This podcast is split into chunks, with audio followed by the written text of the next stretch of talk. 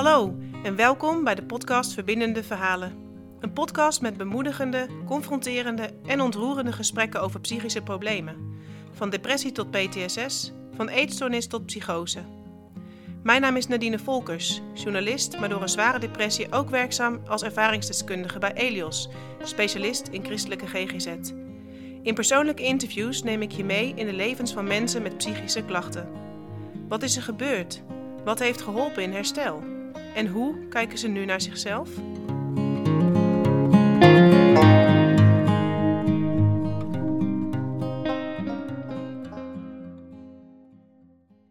Welkom bij een nieuwe podcast. Tegenover mij in de studio zit Manja. Ze had alles om gelukkig te zijn. Een lieve man, drie mooie kinderen, fijne mensen om zich heen en op financieel vlak alles voor elkaar. Toch voelde Manja zich verre van gelukkig. Van buiten zagen mensen een sterke vrouw, van binnen zat Manja vol verdriet en voelde ze zich leeg en ontzettend eenzaam. Ze belandde in een depressie en er werd een posttraumatische stressstoornis vastgesteld. Manja kwam terecht bij een psycholoog van Elios. Door traumatische ervaringen uit haar kindertijd te verwerken, staat ze nu lichter in het leven. Manja, dank voor je komst. Ja, graag gedaan. Fijn dat je je verhaal uh, wilt delen. Zeker. Je omschrijft eigenlijk je herstelproces. Um, dat je hebt mij een verhaal toegestuurd waarin je dat beschrijft. Daar staat ook echt dat je lichter uh, bent gaan leven. Kun je daar iets over vertellen, hoe dat werkt? Ja, voor mij is lichter leven eigenlijk het thema van heel mijn herstel, van heel mijn herstelverhaal. En um, wat ik met name ben gaan ervaren de laatste jaren, is dat ik met minder ballast ben gaan leven. Dat mijn leven minder zwaar is geworden. Um, het, ja, dat ging in hele kleine stapjes elke keer weer. En het heeft jaren geduurd om dat te kunnen gaan beseffen. Maar dat ik uh, steeds dichter bij God ben gaan leven. Door uh, meer over te geven, meer los te laten. Um, en dat ik daardoor dus veel vrijer in het leven mag gaan staan. Daar zeg je heel veel in, in hele korte tijd. Ja. Je hebt het over uh, ballast. Die, ja. die, hoe wist je dat je te veel aan ballast bij je had?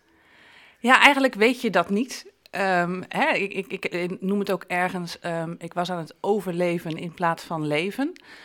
Um, maar in een periode dat je aan het overleven bent, voel je dat eigenlijk niet. Voor mij was het gewoon, ik deed de dingen die ik moest doen. en voor mij was het eigenlijk heel normaal dat ik altijd onrustig was. ontzettend slecht sliep, last had van mijn lijf. heel erg gespannen was. En ja, dat hoort dan gewoon ook eigenlijk bij je. Dus die ballast was voor mij gewoon mij, zeg maar. Dus ja. ik, ik had dat gewoon niet in de gaten dat dat um, niet hoorde of niet goed was voor je. Maar er kwam een moment dat je dat wel ontdekte. Ja, dat kwam zeker. Um, ja, eigenlijk begon mijn herstelverhaal al uh, ruim tien jaar geleden tijdens uh, een, een Eva Vriendinnenweekend met het thema lichter leven. Ja, en dat raakte mij heel erg, omdat ik wat je bij de intro al zei, um, alles had om licht te kunnen leven, maar het voelde niet zo. En ik had gewoon echt de wens om lichter te kunnen leven, om um, gelukkig te zijn. En ook eigenlijk wel de wens en de hoop om um, meer met God te kunnen leven en dan ook Gods liefde te kunnen doorschijnen aan andere mensen. Ja. Dus ik ben naar dat Eva Vriendinnen Weekend gegaan uh, met het idee van, nou weet je, ik ga daarheen, ik krijg wat tips, trucs en daarna pak ik mijn leven op en ga ik lichter leven. Want uh, dat paste gewoon heel erg goed bij mij van, ik krijg een opdracht, ik doe het en uh, ik pak het uit en ik ga door. Alleen had God een heel ander plan dat weekend. Door opdrachten heen die ik moest doen, werd ik elke keer wel geraakt en werd ik stilgezet. En vooral met de overdenking op zondag, wat ging over um, het thema lichter leven, maar ook Gods genade krijgen en voelen. En er werd specifiek gezegd van, weet je, het kan zo zijn dat je van jongs af aan een muur om je heen opbouwt, door uh, welke gebeurtenissen ook. En die muur kan heel dik zijn en, uh, en zwaar. En aan de buitenkant kan die muur er ontzettend mooi uitzien, met graffiti en bloemen aan de ramen en alles. Maar achter die muur is het enorm eenzaam en ben je heel erg alleen. En God kan zijn licht niet doorschijnen in, uh, door die muur heen. En toen dacht ik, hé, hey, maar dat ben ik. Vanuit jongs af aan zo'n muur opgebouwd om um, maar veilig te kunnen zijn. Maar God kon niet bij me. Maar ik kon ook niet bij mijn eigen emoties. Maar andere mensen konden ook niet bij mij. En ehm, er werd daar specifiek ook gebeden om eh, mensen die de muur zo op hadden gezet dat die muur mocht vallen. En tijdens dat gebed is mijn muur gevallen. Heeft God laten zien: Weet je, het is voor jou nu klaar. Je hoeft niet meer te vechten. Ik wil graag met jou verder. Hoe, hoe ervoer je dat? Ja, dat was heel ehm, heftig, want ik weet nog wel dat we een lied zongen. En die hebben we gezongen tijdens ons trouwen en tijdens de doop van onze kinderen. En ik stond daar en ik denk van ja, nu heb ik twee dingen. Ik kan of blijven staan, blijven vechten, wat ik altijd heb gedaan. Want ik wil niet. Ik wil het alleen blijven doen. Ik wil niemand nodig hebben. Maar ik kon het gewoon niet meer. Ik Welk lied was dat? Het, ehm, Heer, uw licht en uw liefde schijnen. Ja, Heel traditioneel. heel lied. traditioneel, zeker. Maar ik kwam toen wel heel erg binnen dat ik denk, ja, maar hier gaat het om, hè. Ja, Mag God zijn liefde ehm, in jou schijnen? En daar liet hij zien, het is nu tijd. het raakt je nu nog, hè? Ja. Als je het daarover hebt. Ja. ja. Ja, zeker. Omdat ik ehm, in de loop der jaren ben gaan beseffen hoe dichtbij God eigenlijk wil zijn. Ik heb dat, ehm, eh, ik was toen rond de 36. Ehm, ik wist dat God er was. Dat, hey, je gaat naar de kerk, je, je, je trouwt eh, in de kerk, je laat de kinderen dopen. Maar het was een heel verstandelijk iets, dat God er was. En daar ben ik pas heel langzamerhand gaan ontdekken dat God er ook echt bij je wil zijn. ja. Ja. Wat is er na dat weekend gebeurd? Nou, eigenlijk wel heel veel, want ik heb ehm, daar ter plekke mijn vriendinnen verteld wat er in het verleden is gebeurd. Ehm, die traumatische ervaring had ik nooit met iemand gedeeld. Dus dat gaf een stukje ehm, lucht. Ik heb dat s'avonds ook aan mijn man gedeeld, want ik heb het ook nooit met mijn man gedeeld. Dus ja, dat, dat zette wel heel de wereld eigenlijk op zijn kop voor mij, maar ook voor mijn man. Die dan, hè, je hebt toch een basis van vertrouwen en dat vertrouwen is weg. Hoe begrijpelijk misschien ook. Ehm, dus je bent gaan delen met je verdriet en je pijn. En dat voelde ergens heel erg goed, maar ook wel heel ingewikkeld, want ehm, je muur is weg. Dus je veiligheid is, naar jouw eigen idee, naar mijn idee, was mijn veiligheid weg. Ja. Dus eh, mensen kunnen weer dicht bij je komen. En dat voelde zo ontzettend beangstigend en eng eigenlijk. En heel kwetsbaar, denk ik ook. Zeker, ja. Want mensen kunnen je weer beschadigen en dat wil je niet. Ehm, en toch voelde het wel ergens fijn om ergens te kunnen leunen en te zijn zonder te moeten, zeg maar. Dus dat masker wat ik jarenlang heb opgehad, kon af en toe af.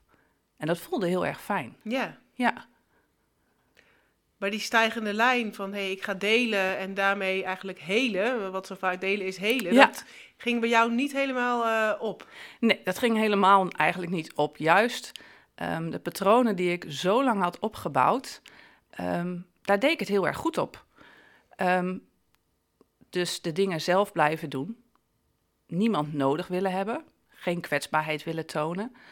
Ehm, mensen wisten nu een stukje van mijn verleden, van mijn kwetsbaarheid. Dus die vroegen daar ook naar. En die probeerden ook af en toe door mijn muurtje heen te breken. En dat lukte wel, maar het, het voelde zo kwetsbaar dat ik merkte dat ik steeds weer verder die muur ben gaan opbouwen. Omdat dat patroon zo krachtig was. En af en toe deed ik een muurtje, even een deurtje open of een raampje open. Deed ik een handreiking, kon iemand naar binnen, kon God een klein beetje naar binnen. Maar daarna deed ik hem gewoon weer dicht. Ja, omdat het denk ik, ik herken het uit mijn eigen proces, ook Ja. zo onwennig voelt. Je weet helemaal niet hoe je daarmee om moet gaan Nee. als mensen ineens dichtbij willen komen. En- Nee, dat voelde voor mij ook heel eng. Eh, ik heb mensen letterlijk ook vaak ehm, op afstand gehouden. Dus niet alleen dat ze niet dichtbij me, maar ook letterlijk op afstand. Hmm. En als mensen dan een arm om je heen willen slaan omdat je verdrietig was, dan, dan ging ik in de weerstand. Want ik denk, ja, dat voelde zo niet fijn. Hm.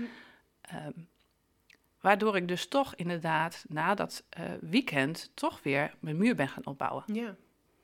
En omdat je hebt ervaren dat het eigenlijk best fijn is dat mensen naast je kunnen staan. En net zoals mijn man, die ontzettend eh, betrokken is geweest, er altijd voor mij is geweest. Ehm, en dat je die dan toch weer op afstand gaat zetten, dat voelde dubbel. Je hebt God ergens ervaren en die plaats je ook weer buiten je muur. En dat maakt het gewoon ingewikkeld en het werd echt een warboel in mijn hoofd. Hm. Hmm. Ja. Wat heb je toen gedaan? Nou ja, het, ehm, het, werd, het werd nog zwaarder dan eh, voor die tijd, zeg maar. Ehm, en dat had je dan eigenlijk niet verwacht, want ik dacht van, nou, je hebt gedeeld, geheeld. Dus het is nu klaar, je kan verder. Maar dat was helemaal niet zo. En er gingen wel weer vier jaar overheen, maar mijn leven voelde op dat moment zo enorm zwaar. Ehm, ook al had ik alles wat ik, hè, waar iedereen eigenlijk van droomt, ik was doodongelukkig. En ik had totaal geen rust meer, ik sliep niet meer, ik had geen plezier meer in het leven. Dat voor mij eigenlijk het leven niet meer hoefde. En ehm, ik was eigenlijk wel klaar met het leven hier en ik wilde gewoon naar God toe. Ik denk van daar had ik het idee, daar vind je je rust. En daar mag je gewoon zijn en dan hoef je niet meer. Je hebt het nu over heel moeilijke momenten waarop jij het leven niet meer zag zitten. Als jij nu luistert en op dit moment te kampen hebt met gedachten over zelfdoding, neem dan contact op met 113 via de website 113.nl of bel met 0800 0113. Daar zitten professionals die jou kunnen helpen. En ehm, ik weet nog wel, het was een donkere dag en ehm, ik ben, was toen al ziek thuis, hè, dus ik kon niet meer werken. En ik ben toen heel veel gaan wandelen, omdat ik wist dat is goed voor me. En ik liep langs de plas en ik denk, weet je, als ik nu gewoon hier instap, het is koud, het is donker, ik heb zware kleren aan, dan is het gewoon klaar. En ik was helemaal niet bezig met de mensen om me heen of wat het zou doen, maar alleen maar met mij van, maar dan is het gewoon rustig in mijn hoofd. Dan Hmm. ben ik bij God en dan Ja. is het goed.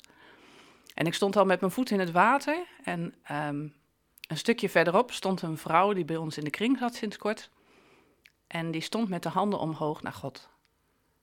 En ik stond echt te kijken van, wat doe je nou? Weet je, sowieso al dat je dat doet, hè, dat je zo kan prijzen ehm, in de buitenlucht. Maar zij had het op dat moment heel erg zwaar. Haar man was ernstig ziek. En dat was voor mij zoiets dat ik denk, ja, als jij zo kunt staan, met je handen omhoog, God prijzen, terwijl je niet weet of je man dit gaat overleven. Ja, dat was voor mij zo iets bijzonders dat ik dacht, maar als zij dat kan, dan heeft God misschien ook nog wel een plan met mijn leven. En dan maakt hij misschien ook wel iets moois van mijn pijn en mijn verdriet. En dat gaf mij een stukje hoop. En ehm, dat was voor mij de beslissing dat ik dacht van, weet je, het is nog niet mijn tijd. Eh, God heeft me dat daar ook wel laten zien. En ik ben toen naar huis gegaan en ehm liederen hebben mij elke keer geraakt in heel het proces. En daar kwam het lied van Hillsong, I Surrender. Ik geef me Ik over. geef me over. Ja. En ehm, dat was gewoon heel bijzonder, want dat was voor mij het breekpunt. Dat God het letterlijk, ik dacht dat dat was al bij dat weekend, maar later zag ik van ja, maar dit is het moment dat God echt mij bij de enkels heeft afgebroken. Van Manja, het is nu klaar. Jij kunt dit gewoon echt niet alleen. Jij hebt mij nodig. En je hoeft dit niet alleen te doen. En toen pas, ik heb echt een hele middag gehuild, terwijl ik 30 jaar niet gehuild heb. Ehm, en dat was voor mij het moment dat ik denk, ja, handen open, laat maar los. Ik kan het niet meer. Ik kon ook niet meer. Maar daar liet God echt zien, ehm, ik ga met je mee. Ja, En wat, wat ontzettend intens, want je, het, het raakt je nu opnieuw. Ja, De, ja. De heftigheid misschien, maar ook het moment dat het, niet, dat het toch niet afgelopen was. ja het, het, is met name wat mij elke keer raakt als ik het hierover heb, is ehm, de hoop die eruit springt. En de dankbaarheid. ehm, dat God, ondanks dat je zo diep zit, er echt wel is. Ehm, en dat, daar word ik vaak emotioneel van. dat God gewoon met je meegaat. Je ziet het niet, je voelt het niet en toch is hij er. Ja. En dat ehm, hij heeft me elke keer in mijn proces, elke keer een stukje aangeraakt. Waardoor ik ben gaan vertrouwen, het komt goed. En wat, dat heb ik ook wel geleerd, ehm, dat zijn goed niet mijn goed is. En ik kan wel een weg uitstippelen van dit is mijn weg, maar God kan een hele andere weg voor je hebben uitgestippeld. ja. Ja. Wat werd jouw weg uiteindelijk? Na dat, dat vreselijk donkere moment. Mijn weg werd dat ik ehm, hulp ben gaan zoeken bij ehm, Elios. Ik heb een ehm, hele goede hulpverlener gekregen. Ik heb daar bijna nou, een kleine twee jaar wel echt eh, flink in therapie gezeten. Ik heb ehm, schematherapie gehad, wat mij enorm geholpen heeft. Wat, Ja. wat voor inzichten gaf je die vorm van therapie? De schematherapie heeft mij vooral in laten zien dat ehm, die controledrang enorm was. Die was ook enorm. Heel mijn leven bestond uit controle houden over mijn werk, over mijn gezin, over mijn huishouden. Het liefst ook over de kinderen. Nou, om alles maar in de hand te houden. En dat perfectionisme zat er ook bij. En dat was een veel eisende ouder, die dan heel vaak genoemd wordt in de schematherapie. Ehm, en die was continu in mijn hoofd aanwezig. Ik deed het niet goed, het kon beter, het kon sneller, het kon nog meer beter. En dat innerlijke kind, die kleine Manja, die was er gewoon niet. Die, ik kende geen emoties. Ik was nooit blij. Ik was ook nooit echt bedroefd geweest. Ehm, ik was eigenlijk alleen altijd maar boos en op de vlucht. En tijdens die schematherapie heb ik geleerd door juist bewust op een stoel te gaan zitten. Oké, eh, nu is die veel eisende ouder aan, de, aan het woord. En ik weet nog wel dat de psycholoog op een gegeven moment zei, die, die deed de deur open, ik moest van de stoel af. En ze zei, pak die stoel op en gooi hem naar buiten. Want deze is zo bepalend in jouw leven. Ja. Al die straffende stemmen die in je hoofd spraken, die Ja. moest jij de deur uitgooien. Ja, die maakte je eigenlijk, die, die maken je helemaal kapot. Ja. Ja. En dat is echt wel wat ik eh, in ieder geval bij de psycholoog heb geleerd, om ehm, die stem gewoon bewust de deur uit te zetten. Hoe moeilijk ook, nu nog steeds. dat dat, blijft is, een- dat blijft een, een, een ding. Maar ja, juist dat ehm, ja, heb ik wel eh, bij Aline geleerd, ja. Ja. En hoe waar sta je nu in je herstel? Ja, ik sta nu eh, ehm, wel heel ver in mijn herstel, als ik dat kan zeggen. Hè? ehm, terwijl ik ook echt wel besef dat herstel nooit klaar is. Alleen ik ben hem nu anders gaan benoemen. Ik noem het nu meer groeien. Ik, ben echt, ik heb echt wel het gevoel dat ik hersteld ben, maar ik mag nog steeds door blijven groeien. En de beeldspraak die ik vaak ook gebruik, omdat ik zelf ook enorm van de natuur geniet, is toch de boom. De boom moet goed geworteld zijn, wil die kunnen groeien. En ik kan nu zeggen dat ik gewoon nooit geworteld was. Nooit in, in God geworteld was. Nooit eh, geloofd heb in mezelf. Dat ik, eh, ja, eigenlijk God mijn boom gewoon heeft om laten waaien. En ehm, dat ik vanaf toen ben gaan groeien, weer opnieuw ben gaan wortelen en weer verder ben gaan groeien. En het mooie vind ik dat ik halverwege, ik denk twee, drie jaar geleden, dat ik dacht van, goh, wat wil ik nou eigenlijk hè, met mijn leven? Dat ik dat ook God, bewust bij God heb neergelegd. En dat er toen ook een baan op mijn pad kwam, ehm, dat ik bewust een stap terug ben gaan doen om te bedenken, wil ik wat met mijn eigen herstel? Mhm. Omdat ik ook merk ehm, hoeveel andere mensen je kunt ondersteunen, hun bij kunt staan, juist vanuit je kwetsbaarheid. En ehm, ik mag nu binnen Elios de herstelgroep leiden. En ja, dat is zo enorm waardevol om te doen. Wat doe je dan precies? Nou, binnen de herstelgroep heb je mensen die aan het einde van een traject of al bijna klaar zijn met hun traject en dan eigenlijk weer de, de wereld in moeten. Ehm, en dat is zo'n grote stap. En dan is juist zo'n herstelgroep met gelijkwaardige mensen die allemaal kwetsbaar zijn, allemaal hun eigen verleden hebben. Maar we hebben het dan niet over hoe ben je in die put gekomen, maar hoe kom je er stapje voor stapje weer uit. En daarin ga je verbinden. En daarin ga je erkenning zoeken en herkenning zoeken. Elkaar tips geven. En dat is zo mooi om te zien. ehm, dat iemand die bij wijze van spreken eh, net uit een psychose komt en toch weer wil vechten. Dat, je, dat ik met een hele andere achtergrond toch overeenstemming ziet. En elkaar daarin kunt bemoedigen en versterken. En juist die gelijkwaardigheid ehm, ja, is gewoon fantastisch om te zien hoe dat werkt Ja. ook voor mij, hè, die al een stukje verder is, kan daar ook weer elke keer van leren. Ook voor jouw eigen proces is het belangrijk in het werk zeg maar, dat je nu doet in die herstelgroepen. Zeker. Ja, dat is voor mij echt een stap dat ik denk van, ik ben altijd bezig geweest met processen, mijn werk, projecten. ehm, en dat ik nu ga zien van, ja, maar ik vind mensen veel fijner dan projecten. Nou, en dat vind ik voor mij, want project is natuurlijk controle, Veilig, ja. veilig. Je hebt een, een start en een heel heldere uit, uitpunt, hè, uitgangspunt. Ehm, en mensen, ja, da- da- dan weet je niet welke kant het op gaat. En juist met die open handen staan, in dat vertrouwen dat God je daarin gaat gebruiken, vind ik echt heel mooi om dat te beseffen. Ja. Ja. En wat zou je tegen andere mensen willen zeggen die op dit moment eh, worstelen met, met psychische klachten? Of misschien wel met van die hele veel eisende stemmen in zichzelf. Van, eh, je doet het niet goed, het moet perfect. Ja, ik, ik vind dat altijd heel ingewikkeld, eh, omdat ik zelf ook besef van het, is, het gaat stapje voor stapje. En in mijn enthousiasme kan ik soms mensen ook wel ehm, ehm, haast beschadigen, omdat ze echt een totaal verkeerd godsbeeld hebben. En dat had ik ook. Ik had ook van, ja, God, eh, waarom doe je dit allemaal? Waarom laat je dingen toe? Waarom? En dat ik ook ben gaan zien, wat ik al eerder zei, van, maar God is erbij. En wat ik ben gaan ehm, ervaren is dat God vol liefde naar jou kijkt. Hij kijkt echt niet naar wat je doet of wat je niet doet. Maar hij kijkt gewoon naar hoe jij bent. Dat je beseft van God heeft jou gemaakt met zijn eigen handen, jou persoonlijk. En wie ben ik dan om te bedenken dat ik niet goed genoeg ben? Ik ben zijn geliefde kind, hij houdt van mij. En om dat eigenlijk elke dag te benoemen, geeft mij gewoon houvast om te bedenken, hij is er, ook als het heel erg moeilijk is. Misschien wel juist als het extra moeilijk is. Dus focus je op God. Dat is gaas wat ik, hoe ingewikkeld het ook is. Maar kijk ook gewoon naar de kleine dingen. Dat heeft mij ontzettend geholpen. Niet naar de mega grote dingen, maar dat je 's ochtends wakker wordt. Dat je denkt, hé, hey, ik mag weer wakker worden. En dat je dan naar buiten kijkt en de veranderingen van de seizoenen ziet.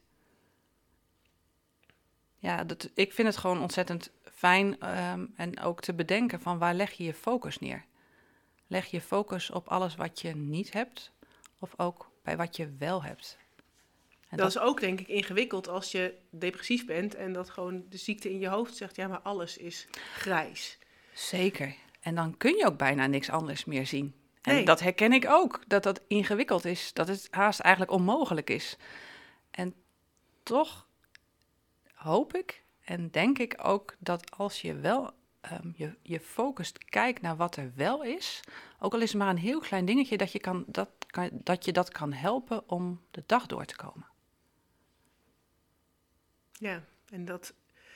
En toch is denk ik voor mensen heel moeilijk om te horen. En, en toch kunnen jij en ik dat, dat zeggen, omdat het, je het zelf hebt meegemaakt hoe dat is om dat kleine puntje te hebben, denk ik, om de dag door te komen. Ja, dat denk ik ook.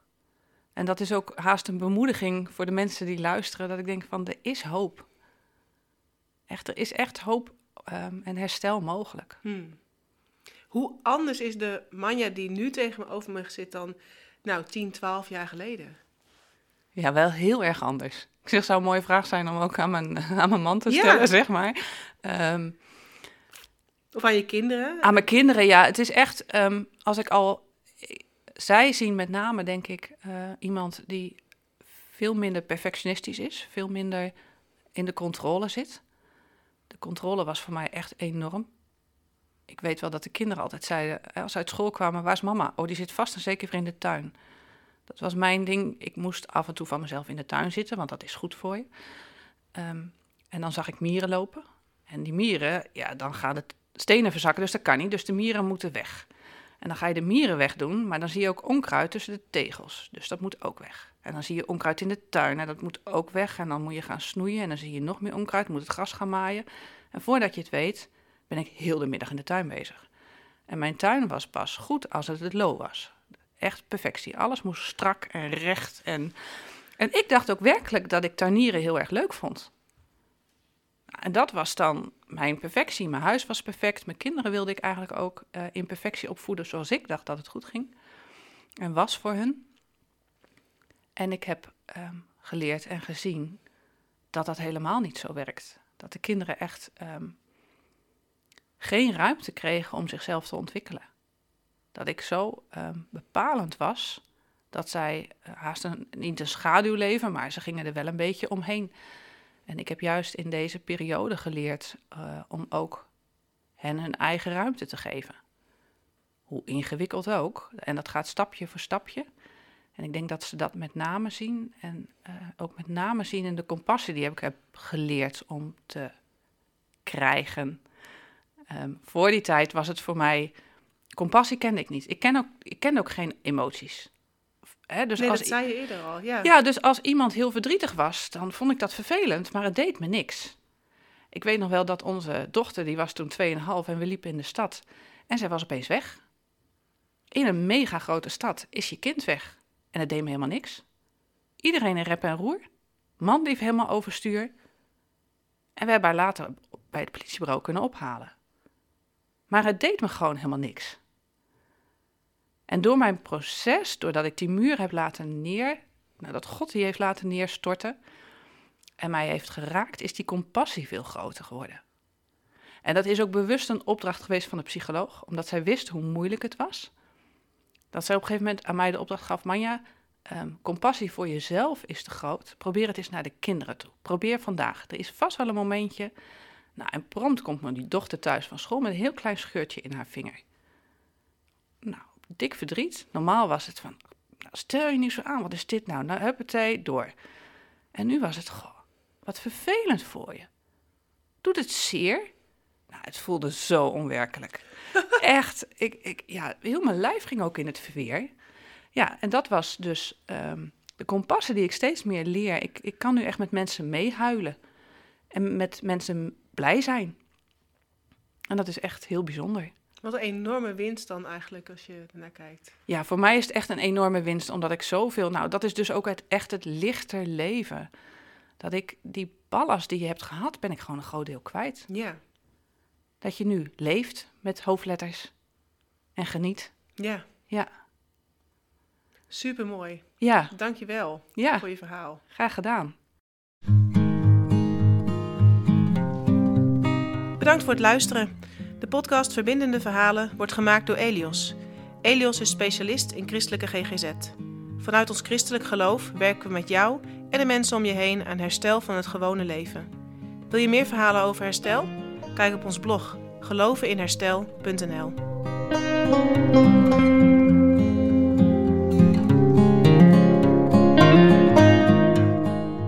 Wil je dat meer mensen deze podcast horen? Deel hem dan via je eigen social media of geef de podcast een like, zodat we in de toekomst meer mensen kunnen bereiken met hoopgevende verhalen over leven met psychische klachten. Tot de volgende aflevering.